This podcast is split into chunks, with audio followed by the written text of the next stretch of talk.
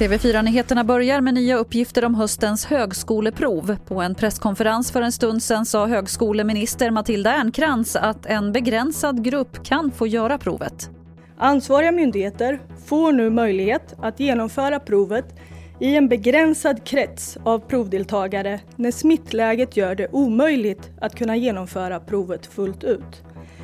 Det betyder att man kan begränsa så endast de som inte har ett giltigt högskoleprovsresultat sedan tidigare får skriva provet. Och mer om det här finns på tv4play.se. Så till USA där orkanen Laura nu har dragit in över delstaterna Louisiana och Texas. Laura beskrivs kunna bli en av de mest ödeläggande orkaner som drabbat södra USA sedan Katrina för 15 år sedan. Över en halv miljon människor som bor nära kusten har uppmanats att lämna sina hem. Till sist kan vi berätta om en ny studie som visar att barn inte sprider coronaviruset. Inte i någon större omfattning i alla fall. Det säger finska läkare efter att ha testat 11 000 barn och bara fem visade sig vara positiva.